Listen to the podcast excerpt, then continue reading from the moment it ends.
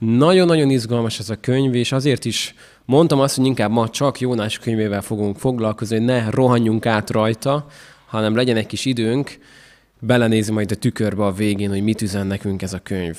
Tehát Jónás könyve, hogyha megnézzük, akkor igazából mindössze körülbelül 30 rövid oldal van még hátra az Ószövetség tanulmányozásunkból, de még néhány nagyon-nagyon izgalmas kis proféta az, aki tartogat nekünk ez a néhány lap, és ezek közül az egyik, akivel ma este foglalkozunk, ez Jónás. Egy valamiben Jónás könyve egészen kivételes a profétai könyvek közül, mibe, mibe lehet teljesen egyedülálló. Nyilván nagyon sok mindenben nem más profétát nem, nem nyelt el, hal, meg stb., de az üzenetét illetően miben nagyon egyedi ez a könyv?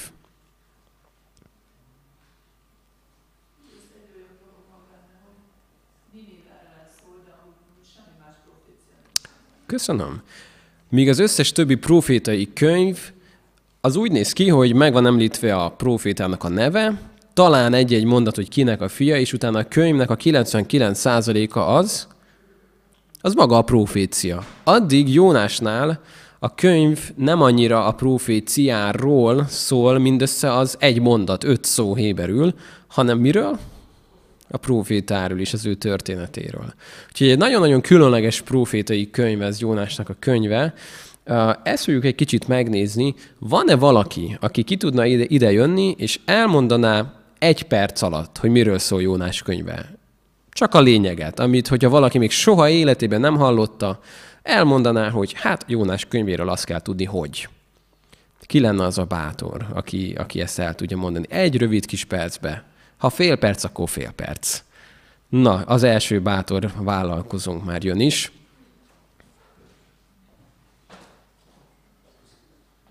Leültem, igen. Gyorsan át lehet futni a könyvet tartalmilag, illetve hát lehet rá emlékezni, hiszen nem ismeretlen a történet. Ugye Jónás kap egy kijelentést az Úrtól, hogy menj el Ninivébe, és prédikálj az embereknek, hogy térjenek meg. Jónásnak egy nagy ötlete támad, hogy mm, ő a másik irányba megy. És ebből keletkezik egy olyan, hát mai szóval élve galiba, hogy ő, amit nem akart megtenni, az miatt mások kaptak szenvedéseket, majd hogy nem ítéletet, mert hogy a hajó, amivel az ellenkező irányba utazott, az viharba került és majdnem elsüllyedt. Ám ugye ez kiderül, illetve itt egy érdekes dolgot fedeztem most fel, hogy sorsot vetettek a hajó utasai, hogy ki miatt vannak ilyen veszélybe, és ez a sorsvetés Jónásra mutatott. És erre ugye neki szint kellett vallania, hogy miért van itt, és miért van ez a veszélyes helyzet, amire pedig az utasok, a hajó utasai számon kérték. Hogy tehettél ilyet? Majd erre az következik, hogy tengerbe vetik, ugye, és mm, Jóisten oda rendel egy nagy halat, ami elnyeli, de három nap múlva tengerpartra veti. Így Jónás megmenekül, a küldetését már a friss, aktuális fogadkozása közepette teljesíti, így eljut Ninivébe, ahol ugyan kihirdeti az ítéletet, hogy el fognak veszni, ám a Jóisten megkönyörül a lakosságon, mert ugye a Ninive városának a vezetője megtérése buzdít, tehát a próféta küldetése mellé áll, és ezt ő, ők így végrehajtják együtt, a nép pedig megmenekül, amire szinte Jónás megsértődik, mert azt mondja, hogy tudtam én ezt már ott, amíg el sem indultam, hogy az Isten kegyelmes lesz és megbocsát, és ez, és akkor így van egy végkifejlete, ahol ugye jó Isten megmenti, illetve Jónással még vitatkozik, mert ugye ott volt egy árnyékot adó bokor, ami közben elveszett, mert hát Jóisten gondoskodott a körülményekről is. Röviden, többire ennyi. Nagyon jó, nagyon szépen köszönjük. Mondhatnám, hogy mehetünk is haza, ez a történet, ennyi volt, de azért nézzük meg ezt egy kicsit mélyebben, hogy milyen üzenetek vannak benne ebbe elásra. Most is a Biblia projektnek a szemléltetését fogjuk használni, ezek elérhetők az interneten, mindenkinek tudom ezeket ajánlani. Uh, itt először is elmondja a videó is, ugye, hogy ez egy nagyon különös dolog, hogy itt nem is annyira a proféciáról, sokkal inkább a profétáról és a átadásnak a módjáról van szó. Itt most nem fogunk annyira a részletekben uh, megállni, de azért annyit elmondhatunk, hogy Jónás neve még egyszer van említve a Bibliánkban, méghozzá királyok második, hú, hú, várjunk itt, ez nekem nem akar most engedelmeskedni, nem önálló életet él a, a dolog. Andris, tudná nekem segíteni? Megállítanátok a videót, mert vagy most hirtelen összeomlottunk itt a rendszert illetően, de majd mindjárt újraindítjuk. Uh, tehát, hogy kettő királyok 14-ben, ú, most megint megy magától. Na most ez a technika ördöge beleszól a dolgaimban, nem, nem baj. Most akkor egy kicsit azt felejtsük el, ami kint van vetítve. Tehát a kettő királyuk 14-ben szerepel Jónás, neve megemlítve, egy profécia kapcsán, Jeroboám kapcsán. Ez csak egy érdekesség, hogy máshol is van így mond említve. De ami viszont a könyvünket illeti, négy fejezetre van bontva ez a könyv, és hogyha megnézzük, akkor ugye az első fejezet egy ilyen történés, a második egy imádság, a harmadik megint egy történés, és a negyedik megint egy úgynevezett imádság Istennel való kommunikáció a Jónásnak. Közben próbálom ezt megnézni, hogy sikerül-e életre hívjuk. Igen, igen, visszatértünk. Úgyhogy akkor amit próbál nekünk bemutatni a videó, hogy nagyon-nagyon érdekes az Jónás könyvében, hogy olyan dolgok történnek, amik nem várhatóak. Sőt, ami pont nem kellene, hogy történjenek. Először is van egy proféta, Hogyha Jónás könyve nem lenne benne a Bibliánkban, akkor morfondírozhatnánk olyan elméleti kérdéseken, hogyha Isten egy profétának mond valamit, a proféta kötelező-e tehát, hogy van-e szabad akarata, vagy kötelező neki engedelmeskednie. Jónás könyve miatt mondhatjuk azt, hogy lehet engedetlen egy proféta? Igen, sőt, volt is. Tehát már egy nagyon érdekes dolog, hogy van egy proféta, akit az Isten már használt, és kiválaszt, és elküld egy üzenettel, és mit csinál ő? Pontosan a szöges ellenkezőjét teszi. Majd megnézzük, igen, a negyedik fejezetben Jónás maga mondja el, hogy miért, miért döntött így, hogy ezt fogja tenni. Isten elküldi egy körülbelül 800 kilométerre Ninivébe, észak-kelet irányba, ezért Jónás elindul nyugatra 3200 kilométerre. Tehát, hogyha próbálnánk ezt megérteni, ez, ez nem az, hogy véletlenül elnézett és rossz csatlakozásra szállt. Tehát ez egy nagyon egyértelmű dolog, hogy Isten arra küldött, akkor én teljesen az ellenkezőjébe fogok indulni. Tehát először is van egy érdekes dolgunk, egy proféta, aki fellázad és engedetlen. Aztán vannak ennek a történetnek nagyon érdekes szereplői, a tengerészek, akik nem zsidó rabbik és nem vezető farizeusok, Mégis, hogyha megnézzük a történetet, tehát most azt nézzük, egy pillanatra ugorjunk ide a tengerészeknek a, kérdéséhez, azt olvassuk az első fejezet negyedik versében, hogy az úr azonban nagy szelet bocsátott a tengerre. Nagy vihar támadt a tengeren, és már azt hitték, hogy hajótörés szenvednek. Félelem fogta el a hajósokat, mindegyik a maga Istenéhez kiáltott. Mit csináltak ezek az emberek? Bálványokhoz, de hogy az Istenükhöz imádkoztak, próbáltak, tehát hogy mihez kötötték a vihart egyértelműen? Valami természet felettihez. Tehát itt még látjuk, hogy nem, nem a helyes Isten ismeretük volt nyilván nekik, de elkezdtek valamit csinálni. Ekközben mit csinált Jónásunk? Ő nagyon békésen aludt lent a hajóban, és uh, egy érdekes dolog, amikor felkeltik, és azt mondják ugye neked, hogy mi van veled, hogy ilyen mélyen alszol, kelj föl, kiálts az Istenethez. Talán gondol ránk az Isten, és nem veszünk el. Az emberek meg ezt mondták, gyertek, vessünk sorsot, tudjuk meg, ki miatt ért bennünket ez a veszedelem. Sorsot vetettek, és a sors Jónásra esett. Itt nagyon-nagyon-nagyon sok üzenet van, úgyhogy azt mondtam, hogy egy kicsit meg, meg, meg fogunk állni bizonyos részeknél, az új szövetségben, hogy a tanítványok történeteit olvassuk, akkor fogunk olyat olvasni, hogy Jézus a hajóba kényszerítette a tanítványokat, beléptek a hajóba, Jézus elment imádkozni, ők pedig a hajóra szállva hatalmas vihar csapott le, ugye, a tóra, ahol voltak. A, tanítványok engedelmeskedtek, vagy engedetlenek voltak? Ők pont, hogy engedelmeskedtek. Ők engedelmesek voltak Jézus szavára, beléptek a hajóba, és mi történt? Lecsapott egy hatalmas vihar. Jónás engedelmes volt, és azért lecsapott? Nem. Itt pont egy ellenkezőjét látjuk, hogy Jónás engedetlen, és lecsap egy nagyon erőteljes vihar. Uh, és itt látjuk, hogy többféle vihar van a bibliai történetekben, de ami egy nagyon érdekes dolog, uh, mit vétettek a tengerészek, hogy ebbe a viharba kerültek?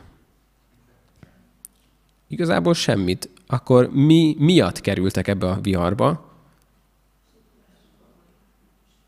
Jónás miatt, nem? Miért mondom azt, hogy ez egy érdekes dolog? A Biblia elég sokat beszél arról, hogy válogassuk meg a barátainkat. Válogassuk meg azt, hogy kikkel vagyunk, és tudunk erről ige verset, ami a barátság fontosságáról szól, vagy arról, hogy ez hatással van az emberre? Így van, amíg a jó erkölcsöt is megrontja ez. Más egyéb eszünkbe jut? Hogy? Uh-huh. Hívő hitetlennek mi köze? Igen. Ki bölcsekkel jár, ez bölcsé lesz. Vassal formálják a vasat, egyik ember a másikat. Tehát azt látjuk, hogy nagyon nagy hatással vannak emberek emberek életére, és hogyha én olyan emberekkel veszem magamat körül, nem missziós célral, hanem csak mert, mert jól esik, és, és akik szánt szándékkal Isten ellen mennek, engedetlenségben élnek, akkor az ő viharaik jó eséllyel engem is elérhetnek időnként. És most állj meg egy pillanatra, nem azt mondom ezzel, hogy szakítsunk meg minden olyan kapcsolatot, ami nem gyülekezeti emberrel van, mert akkor mi ellen beszélnék, Hát a misszió ellen. Tehát, hogyha azt mondjuk, hogy hívjuk el a hitetlen barátainkat, és nincsen belőlük egy se, akkor kit fogunk elhívni? Tehát ez egy nagyon fontos dolog, hogy benne élünk a világban, és ott lenni az emberekkel, de akiket nagyon közel engedünk magunkhoz, mély barátaink, jó, olyan kapcsolatok, amik, amik hatással vannak ránk, azt nagyon érdemes megválogatni, mert ezek a tengerészek annyit vétettek, hogy egy hajón voltak Jónással. És én tudatosan nagyon próbálok arra figyelni, hogy olyan emberek legyenek a nagyon jó barátaim, akik nagyon jó hatással vannak rám. Akik miatt közelebb kerülök Istenhez, akik miatt jobban imádkozok, akik miatt jobban szeretem a feleségemet, mert hatással vannak rám. Hogyha olyan emberekkel venném magam körül, akik nagyon rossz hatással vannak rám, akkor az ő viharaik rajtam is csapódnának időnként. És ez csak egy érdekes dolog, hogy érdemes ezt megnézni, hogy, hogy kikkel vagyok körülvéve legbelül itt a szívembe. Kikkel ülök egy hajón. Van, amit az ember választhat, mint mondjuk a barátság, a családot annyira nem tudjuk választani, hogy nem szoktuk kidobálni a gyerekeket, meg valakit a hajóból, hogyha nincs ránk jó hatással. Tehát ezt nem tudjuk mindig így tökéletesen vonalat húzni, de hogy a házastárs, ott viszont már van egyfajta választás, legalábbis az elején ott biztos. de, de most térjünk vissza Jónáshoz, és már most hirtelen a tengerészeknél járunk, de egy kicsit azért Ninivénél álljunk meg. A Ninivébe kik laktak? Asszír, ez egy asszír népnek volt a fővárosa ekkor. A, milyen, mit, mit tudhatunk erről a népről? Ellenségei voltak Izraelnek, nyilván okkal féltek tőlük, egy dolgot biztosan tudhatunk az ítéletből, amit Isten kimondott felettük, hogy egy gonosz népről van szó, báványimádás, tudhatjuk azt, hogy nem véletlenül mondta azt Isten, hogy vége lesz ennek.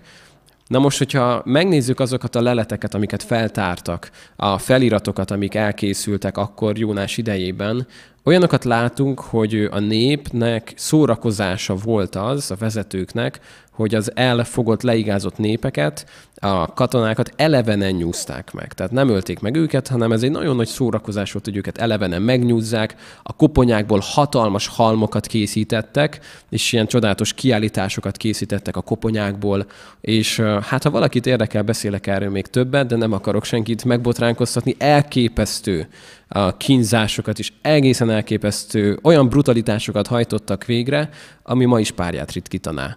És tehát ezt tudjuk a, a feljegyzésekből, hogy ez egy nagyon gonosz nép volt ebben az időben, az uralkodók, vezetők ezt csak újra és újra még jobban, még jobban tették, tehát nem véletlenül mondta Isten azt, hogy betelt a pohár a nép gonoszságával, és nem véletlenül küldte el Jónást ezzel az üzenettel.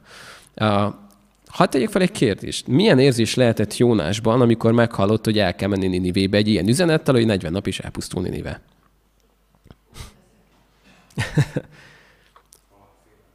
Egyrészt lehetett egy halálfélelem is, tehát most csak gondoljunk bele. Tehát, hogy ezt nekünk ez egy nagyon szép történet, hogy Jónás, Ninive, Tarzus, tehát, hogy ezek úgy, úgy kiszépülnek, de hogyha egy mai példát szeretnénk hozni, akkor lehet, hogy ilyen szavakat kellene inkább használni, hogy náci Németország, iszlám állam, ruandai népírtás. Tehát oda, oda elmenni úgy, hogy ellenségként, és azt mondani annak a népnek, hogy Isten titeket most meg fog büntetni, ez egyrészt egy veszélyes dolog. De azt mondja Jónás, hogy ő nem emiatt tartózkodott ettől az úttól. Mi volt az, amiért ő nem akart annyira menni?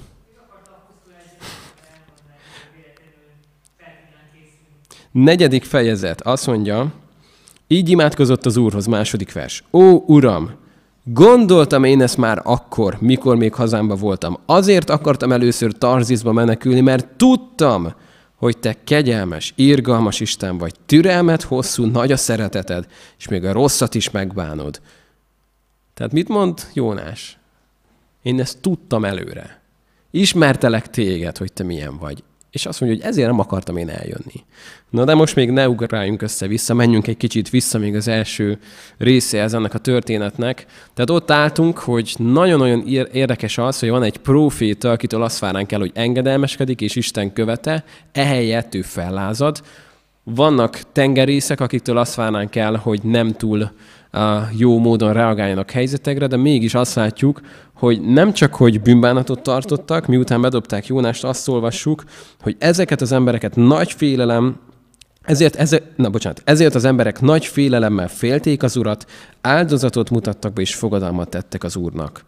Tehát azt látjuk, hogy ott, ott van egy nagy megtérés, ott van egy nagy helyreállás, Istenhez kiáltás utána, aztán van egy nagy király, akiről tudjuk, hogy mindenféle gonoszságot, disznóságot elkövetett, és mit fog tenni ez a király?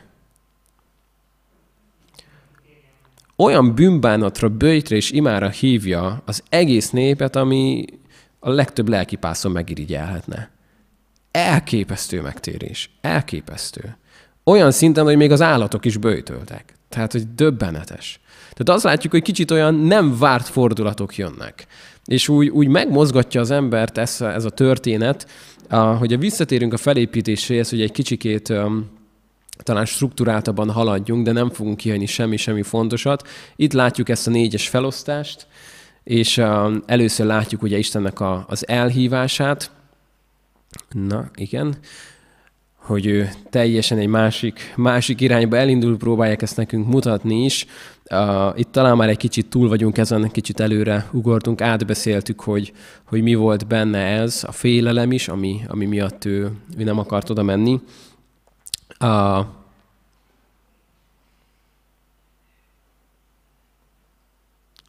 Na itt én megint elvesztettem az irányítást a gép felett megállítjátok nekem, fiúk. Lehet, hogy akkor ezt a videót most egy kicsit félre rakjuk.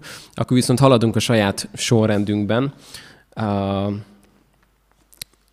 utána ugye Jónást kidobják a hajóból, és ugye Biblia iskolák, vasárnap iskolák egyik kedvenc része, micsoda? A nagy hal. A nagy hal. Anyukám elmesélte, hogy gyerekként, még három-négy éves, öt éves koromig otthoni családi áhítatoknál bármiről volt szó, apukám bárhogy igyekezett, próbálkozott. A végén megkérdezte, hogy Barnuskám, benned mi maradt meg? Jónást a nagy hal bekapta. Teljesen mindegy volt, hogy a római levélből beszélt éppen, vagy egy jelenésen kívülről, bennem mindig ez maradt meg, hogy Jónást a nagy hal bekapta. És nyilván ez mély nyomot, hogy egy gyerekben ezt el tudjuk képzelni. Egy érdekes dolog, hogy egyrészt sokan mondják azt, hogy ugyan már, hát ez tündérmese, hát ilyen a világon nincsen, hogy egy ilyen nagyhal jönne, és bekapja Jónást. Próbálnék mutatni egy képet, hogyha még annyi időre visszanyerjük a, a kapcsolatot a két gép között, ami egy nagyon-nagyon érdekes mostani kutatásokból jönnek ezek a képek. Nézzük csak. Nagyon sokáig azt mondták az emberek, hogy hát ez ostobaság is ilyen a világon nincs, és ezt csak buta-buta keresztények képesek elhinni. Uh, aztán érdekes dolgokat kezdett felfedezni az ember, és a, egyre mélyebbre mennek a búvárok, egyre több, ó jaj, mindent látunk. Na hát megint kérem a segítségeteket, tovább húzott, Benó? Oké, okay, köszönöm. Ki tudja, milyen halat látunk itt? Hát ez nem akármi. Ez egy úgynevezett rablócápa. ez a rabló cápa általában 8-10 méter, de vannak 20 méteres példányok is belőle. A száját, mikor kinyitja, több mint másfél méteres az átmérő, amikor kinyitja a száját. És abban érdekes, hogy még sokáig azt mondták, hogy valószínűleg ez csak egy óriás ámbrást szett lehetett, amik elnyelte Jónást. Uh, ott ugye az emésztésnél uh, valószínűleg teljesen megemésztették volna a Jónás, viszont ennek a rabló cápának van egy érdekes tulajdonsága, hogy uh, képes egyben lenyelni nagyon nagy dolgokat, állatokat, akár embereket is, ugye, és hogyha nem képes megemészteni, azt veszi észre, hogy ez nem az, amit ő enni szokott, akkor egy idő után mit gondolunk, mit tesz? Kiköpi. Képes kiköpni azt a, a, a belsejéből. 1930-as évekből van egy tengerész történet, sokan legendának mondják, olyan igazi tárgyi bizonyítékok abból a korból nem maradtak fent, amikor azt mesélték el tengerészek, hogy egy ehhez hasonló állatot fogtak el, öltek meg, és amikor megölték, és utána feldolgozták, akkor őt teljesen vérré fagytak és, és ledermettek, amikor a gyomrából egy élő embert vettek elő, akit előtte egy-két nappal ezelőtt ez megevett. És amit elmondtak, ezt nyilván sokan kétségbe vonják ezt a történetet, de egy érdekesség, hogy amit elmondtak, hogy, hogy a bent lévő idő miatt azért hatással voltak rá ott bent a, a nyilván az emésztő szervek, nedvek, minden, ezért az az ember teljesen kifakult és foltos, tehát elképesztő bőre volt, tehát hogy évekig mindenki látta és tudta, hogy ez az ember, ez egy furcsa kalandokat élt át, bárhogy is történt, akármilyen hal is volt az, még hogyha a vizen járás se tudja megmagyarázni a tudomány, mi elhiszük, hogy Jézus járt a vizen, nem okoz ezek nagy problémát. Ez csak egy érdekes emberi magyarázat lehet arra, hogy, hogy, hogy nyilván az Isten bármit megtehet, de ez csak érdekes látni, hogy most már látunk is ilyen elképesztő állatokat, amikkel könnyedén meg tudták tenni. Miért érdekes ez, hogyha Jónás három napot tölt egy hal gyomrában, milyen belépőt ad ez neki? Képzeljük el, hogy a ninivei polgárok kint napoznak a strandon, és egyszer azt látják, hogy egy hatalmas hal mit csinál? Kiköp egy profétát, a proféta pedig, ahogy nyilván azért látható volt rajta a hínártól kezdve, emésztőnedvek, ha foltos volt, foltos volt, azért ez aláhúz egy üzenetet, nem? Tehát ezért azt nem azt mondják, hogy ó, messziről jött ember, azt mondom, mit akar. Tehát úgy hiszem, hogy különösen, hogy ezt látták emberek, amikor Jónás megérkezett, ez egy olyan belépő, amit nem felejtettek el. És, és azért ez hírérték volt, hogy nem hiszitek el, egy bálna hozott egy embert, aki most azt mondja, hogy az Istennek elege van abból, amit csinálunk, és el fog pusztulni a városunk. Tehát ez egy nagyon érdekes dolog, akár így történt, akár nem. De még mielőtt Ninivére térnénk, Jónás imádság egy nagyon érdekes imádság a második fejezetben, felolvasom ezt most egyben, hogy halljuk ezt. Nyomorúságomban az Úrhoz kiáltottam, és ő meghallgatott engem. A halál torkából kiáltottam segítségért, és te meghallottad hangomat. Mélységbe dobtál a tenger közepébe, és áradat vett körül. Minden habod és hullámod átcsapott fölöttem. Azt gondoltam, hogy eltaszítottál engem magad elől, bár csak újra megláthatnám szent templomodat. Már-már életemet fenyegette a víz, mélység és törvény vett körül, hínár fonódott fejemre. Lesüllyedtem a hegyek alapjáig, örökre bezárult mögöttem a földet, te kiemelted életemet a sírból, ó, Uram Istenem! Amikor elcsüggett a lelkem, az Úra gondoltam, s imádságom eljutott hozzád szent templomodba. Akik hitvány bálványokhoz ragaszkodnak, azok elhagyják jótevőjüket, de én, hála éneket zengve áldozok neked, és amit megfogadtam, teljesítem. Az Úrtól jön a szabadulás. Az Úr pedig parancsot adott a halnak, és az kiköpte Jónást a szárazföldre. Nagyon érdekes dolog ez. Mi az, ami, amitől hemzseg ez az imádság? Milyen életérzése, milyen érzelmek, mik vannak benne? Hálaadás, ami azért mondjuk azt, hogy érthető, hogy ez...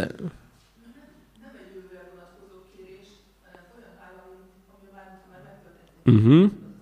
Igen, igen, pontosan. halál közöli állapot, azt nagyon átélhette Jónás, azért az egy elképesztő élmény lehetett neki.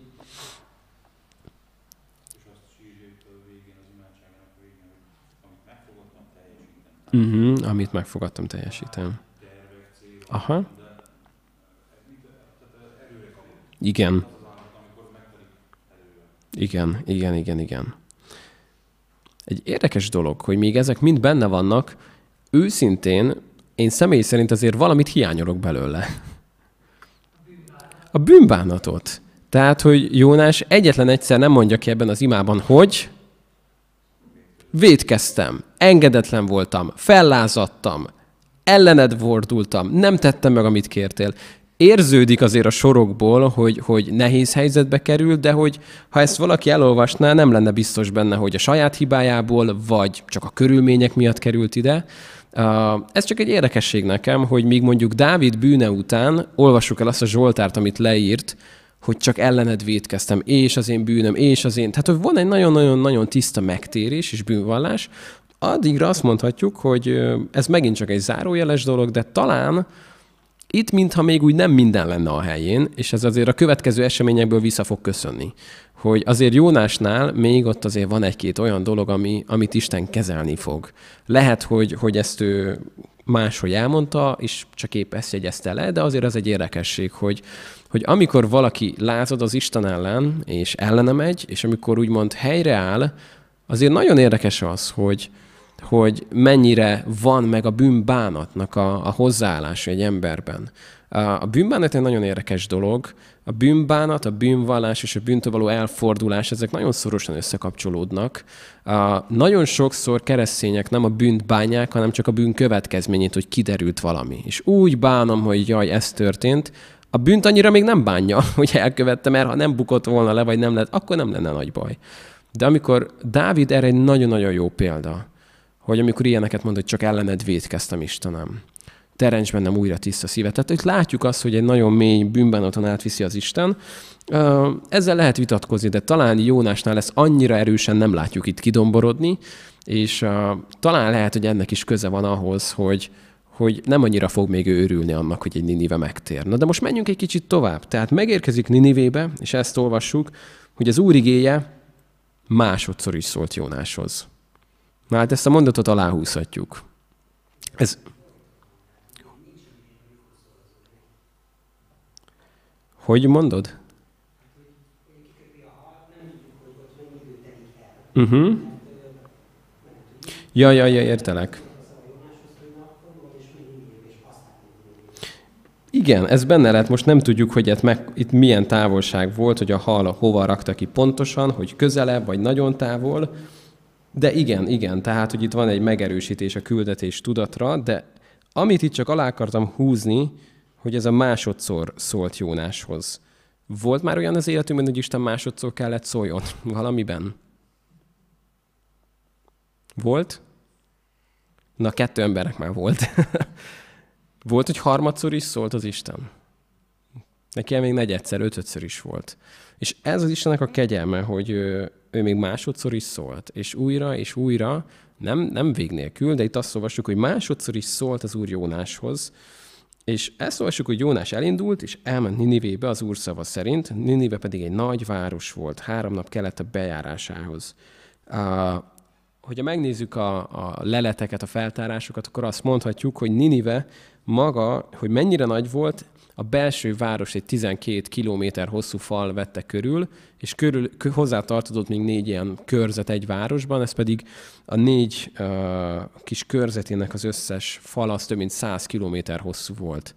Tehát azért ez nem egy kis város volt, ez, ez egy óriási fellegvár volt, és uh, Jónás ment, és ment, és ment, és mi volt az ő prédikációja? 40 nap, és elpusztul Ninive. Tehát azt olvassuk, hogy, hogy ezt, ezt mondta, elindult tehát Jónás befelé a városba, egy napi járás, és ezt hirdette, még 40 nap, és elpusztul Ninive. Ez héberül öt szó, nem túl hosszú, nem bonyolult, kevés magyarázat, se indoklás, se az úrnak a neve, csak ennyi, hogy 40 nap, elpusztul Ninive. És döbbenetes, hogy az Isten mit kimunkált, Ninive lakosai azonban hittek Istennek, bőjtöt hirdettek, zsákruhát öltött a város apra nagyja. Amikor ez a hír eljutott Ninive királyához, fölkelt trónjáról, levetette magáról díszruháját, zsákruhát öltött magára és hamuba ült. Ez egészen, tehát ez a király, ez, ez ami fantasztikus szereplő ennek a történetnek. Hogy ez a mondat sokféleképpen folytatódhatott volna, hogy amikor ez a hír eljutott a királyhoz, A király azonnal küldetett, hogy hallgattassátok el ezt a bolondot, mit csinál ez, megijeszti a népet, a hangulatnak rosszat tesz, cirkusz kell a népnek, szórakoztatás, nem ilyen rémhírek, meg amúgy is ki ez a jött ment, meg, meg. Tehát, hogy tehette volna ezt is ez a király, de azt olvassuk, hogy amikor eljutott hozzá ez a hír, zsákruhát öltött magára, hamuba ült, fölkelt a trónjáról, levetette magáról a díszruháját és azt mondjuk, hogy ki, kihirdette Ninivében a király és a főurak rendeletére a következőt, emberek és állatok, szarvasmarhák és juhok, semmit meg ne kóstoljanak, vagy legeljenek, vizet se igyanak. Ölcsön zsákruhát ember és állat, kiáltsanak teljes erővel Istenhez. Térjen meg mindenki a rossz útról, és hagyjon fel erőszakos tetteivel. Ki tudja, talán felénk fordul, s megszán az Isten. Lelohad lángoló haragja, s nem veszünk el. Amikor Isten látta, amit tettek, és hogy megtértek a rossz útról, megbánta Isten, hogy veszedelembe akarta dönteni őket, és nem tette meg. Hát itt van a történetnek a szíve, és olyan jó lenne azt olvasni a negyedik fejezetben, hogy Jónás ekkor megtelt hálával, és azt mondta, hogy Uram, engem megmentettél a hal gyomrából, ezt a népet pedig kiemelted a pusztulásból, áldott legyen a te neved. Itt ér véget Jónás könyve. Könnyebb, igen, Misi bácsi?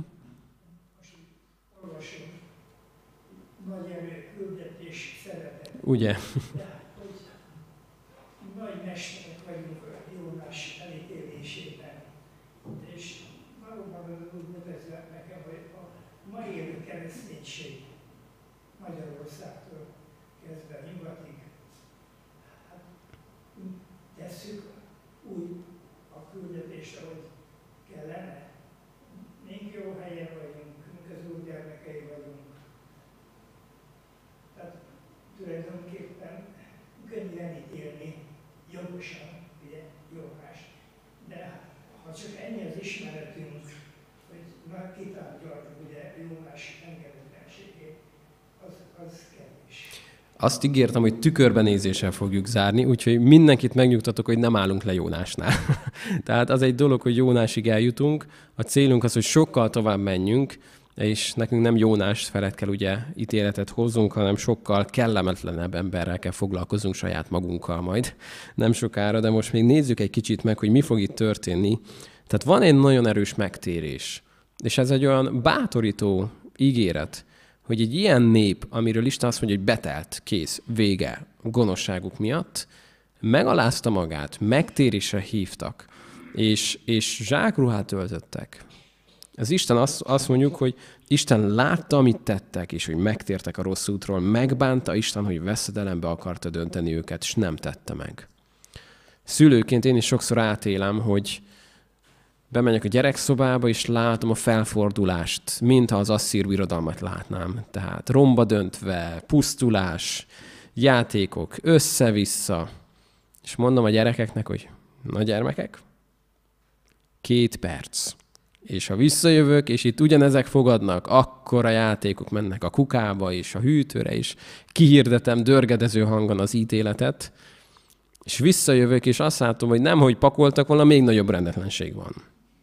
És akkor rutinosan megkeresem a kedvenc játékaikat, ugye? Tudom, hogy melyik fog a legjobban fájni, és megérintem, és látom, hogy patakokba folynak a könnyek, és a lábamba kapaszkodnak, hogy csak azt ne, és bármit megteszünk, és, és soha többé rumli, és innentől kezdve, és jönnek a fogadkozások, és úgy, hát előbb-utóbb előfordul, hogy az embernek a szíve megenyhül, és, az, és úgy megbánom azt, nyilván, hogy nem akartam én azt kidobni, meg, és úgy, úgy az ember megenyhül, és ilyenkor mindig eszünkbe jut, hogy egy jó szülő az mindig következetes, és megtartja, amit megígért, aztán győz az irgalom néha. És amikor itt ezt olvassuk, hogy amikor Isten látta, amit tettek, és hogy megtértek a rossz útról, megbánta Isten, hogy veszedelembe akarta dönteni őket, és nem tette meg. Egy nagyon érdekes dolog, amit fel lehetne tenni kérdésként, hogy Isten megszegte a szavát azzal, hogy nem pusztította el Ninivét. Mielőtt erre bármit gyorsan rávágnánk reflexből, az a szó, amit héberül használ Isten, az egy nagyon érdekes szó. Mikor kiirdeti ezt, hogy 40 nap is elpusztul Ninive, ez a szó, hogy elpusztul, ez több dolgot jelent a Bibliában. Ez egy nagyon gyakori szó. Néhány előfordulását fogjuk csak megnézni. Az egyik nagyon egyszerű, Sodoma és Gomora elpusztult. Így kell érteni, elpusztult a város. Tehát ez az egyik előfordulása. Lapozzunk viszont a Sámuel könyvéhez, És az első könyvének a tizedik fejezetéhez, hogy a lapozunk, Sámuel első könyvének a tizedik fejezete, a hatodik versében benne van ez a szó, és majd még a, a, a kilencedik versében is benne lesz ez a szó. Tehát Sámuel első könyve, tizedik fejezet, hatodik vers az így szól, akkor megszállt téged is az Úr lelke, velük együtt profétai révületbe kerülsz, és más emberré leszel. Más emberré leszel. Aztán a, a, a, a, na, a tizedik, nem, bocsánat, a kilencedik vers is benne van, és amikor megfordult, hogy eltávozik Sámueltől, Isten megváltoztatta a szívét, és beteljesedtek rajta mindezek a jelek azon a napon. Ez egy nagyon gyakori héber szó, ami azon túl, hogy azt jelenti, hogy elpusztítani, elpusztulni, jelenti azt, hogy megváltozni, teljesen átformálódni, mint ahogy a hatodik versen olvastuk, hogy más emberré leszel, más emberré leszel, majd jelenti azt itt a kilencedik versben, hogy megváltoztatta a szívét. Jelent egy ilyen, egy ilyen kört képzeljünk el, ami elindul arra, és utána meg már visszafele fordul, egy irányváltás, egy teljes változás. Nehémiás könyvénél is csak egy-egy példát akartam hozni, ott is szerepel ez a szó. A 13. fejezetben, 13.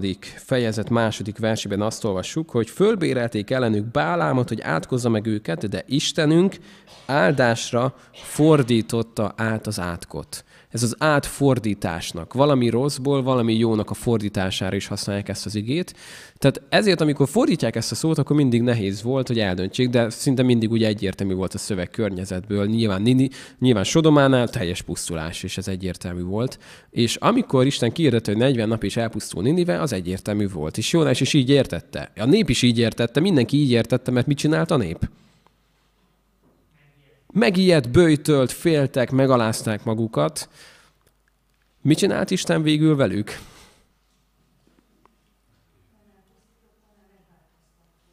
Elpusztulás helyett egy teljes váltás történt a városban. Egy új emberi lett, új várossá lett. Ez egy nagyon érdekes dolog, hogy míg Isten kihirdette egyértelműen, és megenyhült az ő szívében, az ő szavát még csak meg se szekte, hanem máshogy teljesítette azt be. És amúgy meg Isten azt tesz, amit Isten. De ez egy nagyon érdekes dolog csak itt a nyelvet, hogy a valakit esetleg jobban érdekel a nyelvészet, látni azt, hogy mit jelent ez a szó, és hogy mit jelenthetett ez a szó. Na most Jónás örült ennek, hogy Isten így értelmezte nyelvészetileg ezt a kifejezését? Hát ő nagyon nem örült ennek. Ő, ő annak örült volna, hogyha az a nép, aki az ellensége is, és akitől fél, az, mi történik, elpusztul. Vége, kész. Jön a tüzes eső, mint Sodománál, vagy valami, és vége a népnek. És ugye visszamegyünk Jónáshoz, nézzük meg, hogy mi történik ezután. Negyedik fejezet így folytatódik, ez azonban nagyon rosszul esett Jónásnak, és megharagudott.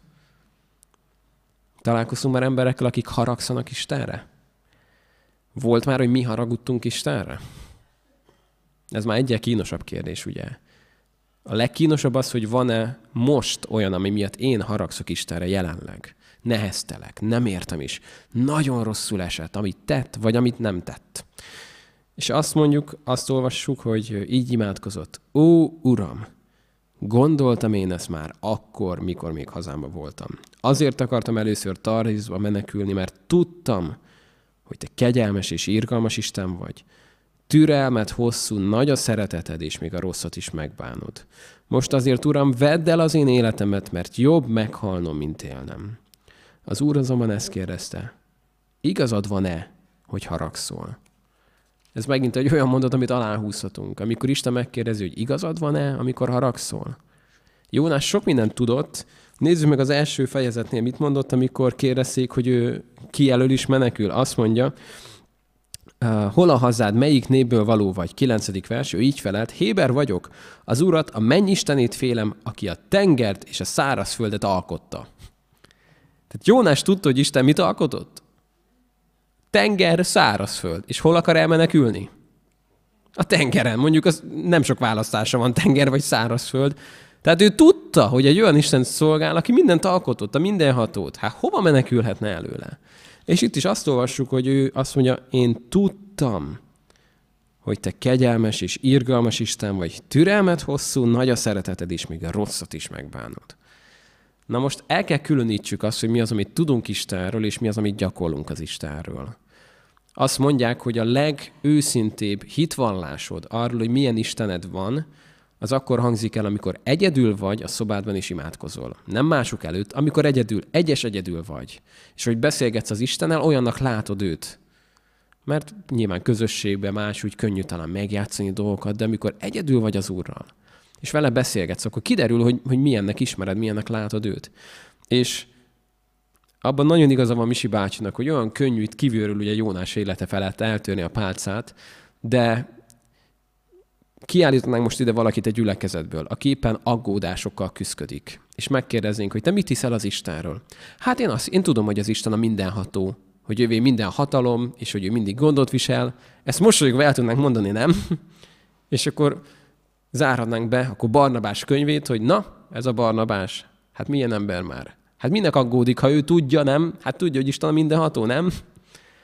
Vagy hogyha valakit kiállítanánk ide, és elmondja, hogy, hogy milyen aggodalmai vannak mondjuk a Isten gondviselését illetően, pénzügyileg, és megkérdeznénk, hogy de hát mit mond? Hát én tudom, hogy a Biblia azt mondja, hogy semmi felől ne aggódjak, meg hogy ő majd gondot visel, meg hogy... Tehát az egy dolog, amit itt bent tudunk. Az egy dolog, amit viszont itt bent meggyőződéssel megélünk, és ami kihat a cselekedeteinkre. És felteszi Isten ezt a kérdést, amit jó lenne néha kilógatni a falunkra, igazad van-e, hogy haragszol? Jónás úgy érezte, hogy, hogy igen. Ő abszolút meg volt erről győződve. És nézzük, hogy az Isten hogyan gondoskodik róla. Aztán kiment Jónás a városból, letelepedett a várostól keletre, készített ott magának egy kunyhót, odaült az árnyékába, hogy lássa, mi történik majd a várossal. Azért reménykedett. Az Úristen pedig úgy intézte, hogy egy bokor nőjön Jónás fölé, árnyékot tartva a feje fölött, és megvédje a rosszul léttől. Jónás nagyon örült a bokornak. Isten tervébe még egy bokor is belefér. Tehát, hogy egy bokort Isten tud úgy intézni. Ez csak úgy rácsodálkozik az ember, nem? Hogy az életünk eseményeit, ha látnánk úgy, ahogyan az Isten az befolyásolja. Olyan fölöslegesen abszolút, apró részleteket, hogyan fésül egybe az Isten, hogy azt mondja, hogy az Úristen pedig úgy intézte, hogy egy bokor nőjön Jónás fölé. És aztán úgy olvassuk, hogy Isten azonban úgy intézte, hogy másnap hajnalhasadáskor egy féreg megszúrja a bokrot, és ez elszáradjon.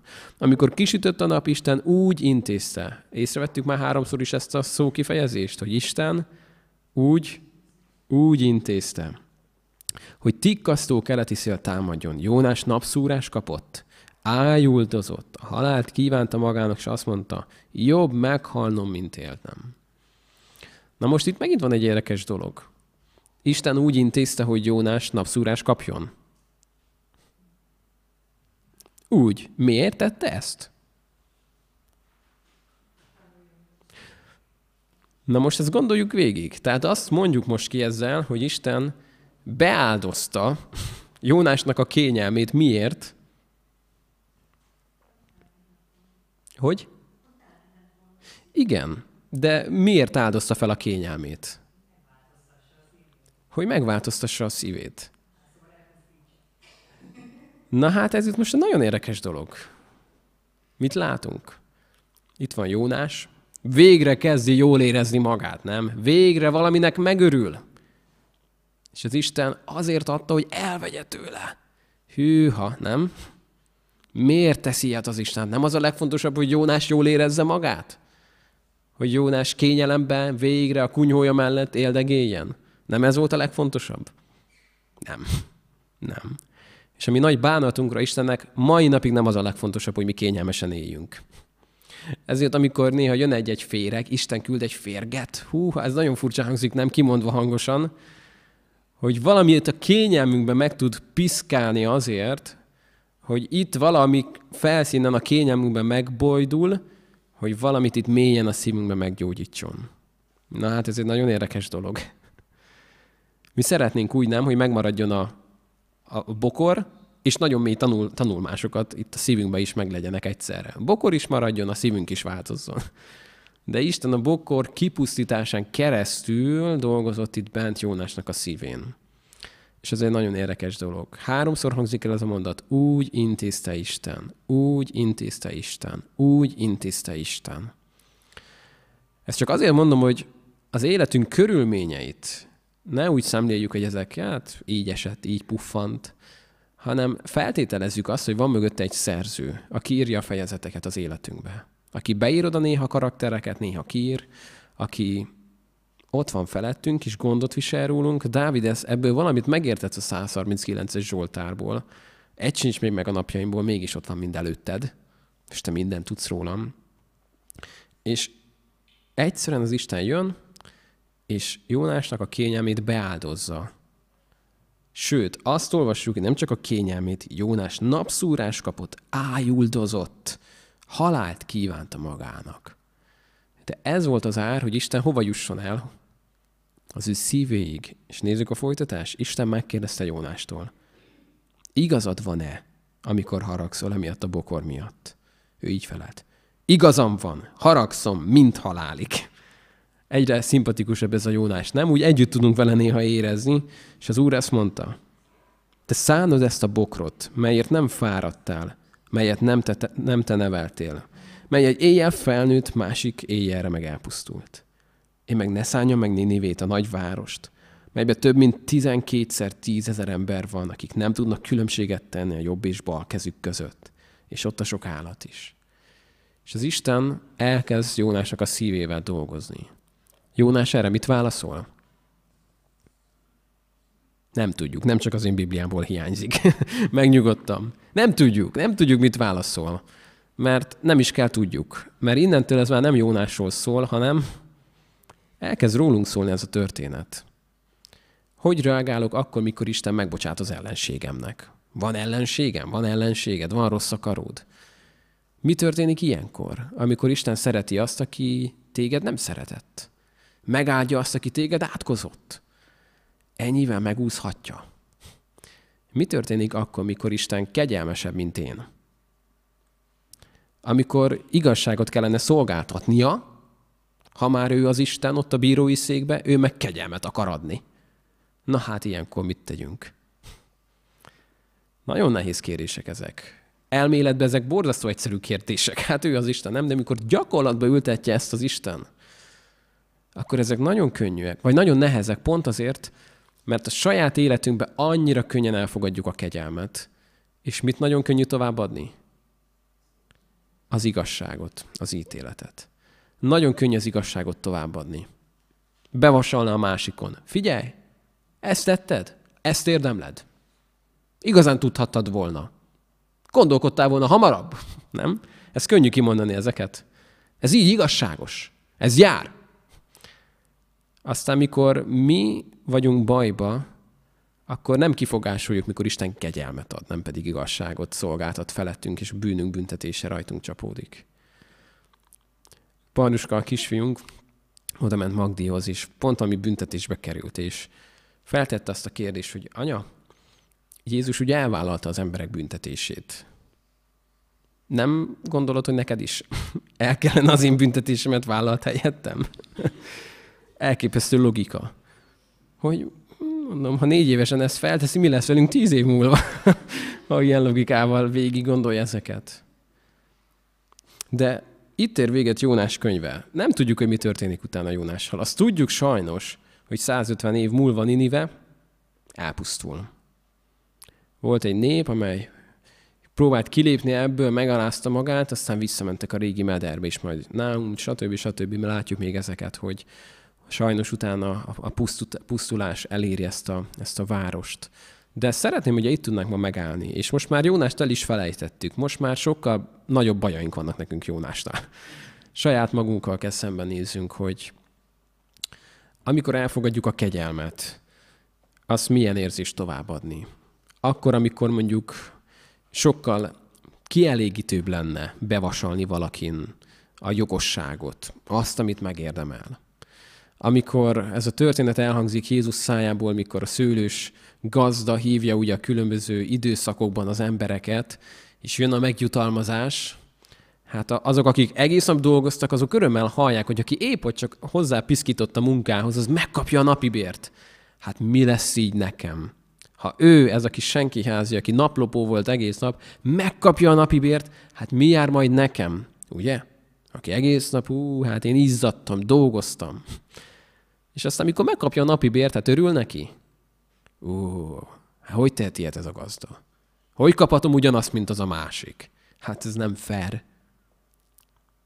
Igazad van-e, amikor haragszol? Kérdezette volna ott is a szőlős gazda. Igazad van? Nem tehetem azt azzal, amim van, amit akarok? Nem az enyém? Nem én döntöm el, hogy mit adok? Kevesebbet adtam neked, mint ígértem? Nem. Tehát szemed azért gonosz, mert én jót tettem. Kell, hogy kicsit kóstolgassuk az Istennek a kegyelmét. Nem a hiperkegyelemről beszélek, hanem arról, mikor az Isten kegyelmesebb, mint mi tudnánk lenni. És elfogadni ezt, nem felhánytorgatni. Ahogy Isten megbocsát, és megbánni. Egyik barátom elmesélte, hogy tinédzser fiai vannak, és nem jól kezelt egy helyzetet, nagyon gorombán bánt velük, és utána megbánta. És oda ment hozzájuk, leültette őket, és bocsánatot kért tőlük. És a fiúk mondták, hogy rendben, apa, ez most sokat jelentett, hogy elmondtad, hogy bocsánatot kért, megbocsátunk neked. És telt az idő, pár hónap, és egy kínos helyzetben a fiúk felhánytorgatták, hogy de apa, emlékszel, hogy múltkor is? És akkor leültette az apa őket, hogy álljon meg a menet. Ti nekem megbocsátottatok, nem? Megbocsátottatok, vagy nem? Azt mondtátok, akkor most én kérem azt, hogy a kegyelmeteket adjátok, és ne hánytorgassátok ezt fel. Néha ez nagyon nagy a kísértés, hogy az ember mit tesz a magyar ember, megbocs, de mi aztán nem felejtünk, mi nagyon büszke magyar emberek vagyunk. És itt ér véget Jónás könyve. Két mondatot hadd húzak csak alá. Az egyik ez, Isten azonban úgy intézte. Úgy hiszem, hogy sokkal bölcsebben élhetjük az életünket, hogyha a véletlenszerűnek tűnő események helyett megnézzük azt, hogy mi van, hogyha Isten most éppen valamit intéz az életembe. A, mész a vonathoz, ott megy el az órod előtt. És ahelyett, hogy bosszankodnál, hogy nem igaz, hogy nem bírt volna megvárni, már látta, hogy futok. Azon gondolkodom, mi van, ha Isten intézte úgy, hogy a következővel menjek? Lehet, hogy valaki fog rajta ülni, akivel beszélgetnem kellene? Lehet, hogy valaki ott fog ülni, aki majd nekem fog segíteni egy beszélgetésben? Lehet, hogy valakinek bizonyságot tehetek? Nem tudom. Majd az Isten tudja. Benne ülsz a dugóba, és, és, és bosszankodnál, hogy nem igaz, hogy már megint meddig csinálják ezt az m 0 a déli szakaszt. És, és ahelyett lehet, hogy az Isten úgy intéz, hogy most megállítson engem egy kicsit. Most itt ülök, nem tudok mit csinálni. Mi lenne, ha imádkoznék? Ahelyett, hogy bárányokat számolnék, beszéljek a pásztorra, mi lenne akkor? És ugye elkezdjük így nézni az életünket, hogy az életünkben, ha megértjük azt, hogy az irányítás az kinél van, az az Istennél. Az ember terveket sző a példabeszédek szerint, de a megvalósítás az, az az Isten kezébe van. És egy érdekes dolog, amikor mi azt gondoljuk, hogy nagy nehezen átadjuk az irányítást végre Istennek, rájövünk, hogy sose volt a mi kezünkbe. sose volt az irányítás a mi kezünkbe. Melyikünk közülünk az, aki eldöntötte, mikor szeretne megszületni? Melyikünk volt az, aki eldöntötte, melyik családba tetszene megszületni? Mikor? Hogyan? Milyen körülmények között? Semmi, semmi nem volt a kezünkbe ezek közül. És hogy végignézem az életemet, hogy Isten hogyan alakította, milyen véletlennek tűnő események kapcsán, milyen embereket hozott be véletlenül az életembe, akik nagyon nagy hatással voltak rám, azt látom, hogy ezt a kormányt én sose fogtam igazából, ez az Isten kezébe van.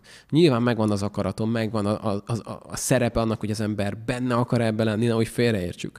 De, de mikor rájövök arra, hogy az irányítás sose volt az én részem, Isten kezébe vagyok. Mit teszek azért, hogy ez a kütyű itt bent még mindig dobog? én, én dolgom, ez én, én igazgatom, nem az Isten kezébe vagyok. Mindenem az Isten kezébe van. Tehát először ezt hadd húzzam alá, hogy úgy intézte az Isten. És engedjük neki, hogy Isten legyen, hogy ő intézgesse a dolgait. És hogy egy bokornak ki kell száradnia, és emiatt megfájdul a fejünk, akkor nézzük ezt, hogy Uram, mit akarsz tanítani? Mi van ebben a helyzetben, amit most te valamit mélyebbre akarsz vinni, mint egy bokor? És a másik, amit szeretnénk csak aláhúzni, Istennek az a kérdése, igazad van-e, hogy haragszol? Pál nagyon rövidre zárja a vitát, hogyha ember és Isten vitatkozik, kinek lesz igaza. Mindig Istennek. Ezt úgy jó elismerjük, hogy emberünk, nekünk, nem lesz igazunk Istennel szembe. minden téren korlátozottabb vagyok az ismereteimben, az igazság, mindenben. Neki van igaza.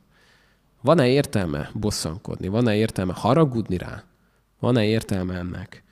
És az Isten mélyre vitte Jónást ebben. Igazad van-e, hogy haragszol?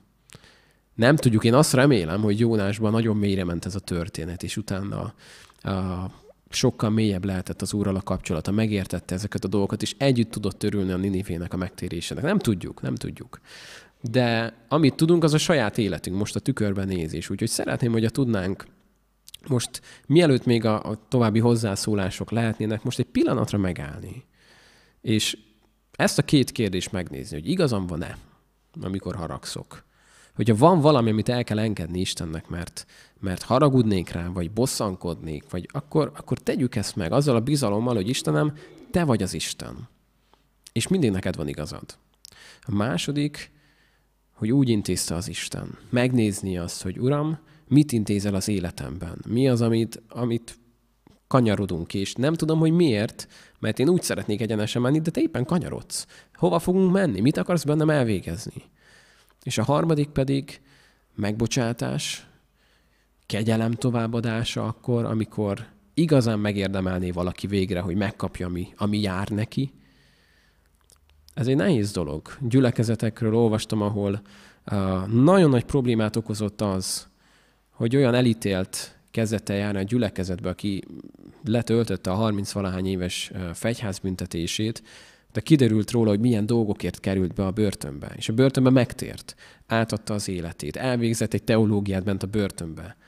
De senki sem akart mellé ülni a padokba, hogy hát hallottad, hogy mit csinált az az ember? Én ilyen mellé nem ülök. Az Isten megkegyelmezett neki, de én nem. Én nem fogok. Szeretném, hogy tudnám most megállni, és, és megnézni, hogy kell ezek közül valamit most megnézzek, köztem és az Isten között is. Az utolsó kérdés, a negyedik kérdés pedig az, hogy van-e valami, amire Isten most hív engem, hogy menjek keletre, én meg már veszem a nyúlcipőt nyugatra. Van-e valami, amire most elhívott? Ami lehet, hogy azt mondom, hogy túlmutat rajtam, vagy nem tudom, vagy, vagy félelemmel tölt el, de tudom, hogy arra hív, hogy azt tegyem, de semmi bátorságom. Hogyha a történet végén Jónás azon gondolkodhatott volna, hogy ha újra kezdeném, vajon mennék-e egyből, vagy szeretném ezt a halas, hínáros dolgot még egyszer? Szerintem úgy döntött volna, hogy mennék én egyből most már Ninivébe. Nem biztos, hogy át akarta volna még egyszer élni ezeket a nehézségeket, amik oda kényszerítették majd. És úgy hiszem, hogy nekünk is, hogyha ha engedünk arra, amikor Isten először szól, akkor sok olyat megspórolhatunk, amit magunknak okozunk sokszor az életünkben, nehézségeket. Olyan körülményeket, olyan varga betűket, amiket utána kihagynánk az életünkből. Úgyhogy most azt kérem, hogy csendesedjünk el, és imádkozunk. Legyen most ez egy ima közösség. Egymás után hangosan, hogy van egy-egy ima a szívünkben, akkor hozzuk ezt az Úr elé. Akár legyen ez egy bűnvallás, akár egy hálaadás, bármi, ami a szívünkön van, hozzuk ezt az Úr elé.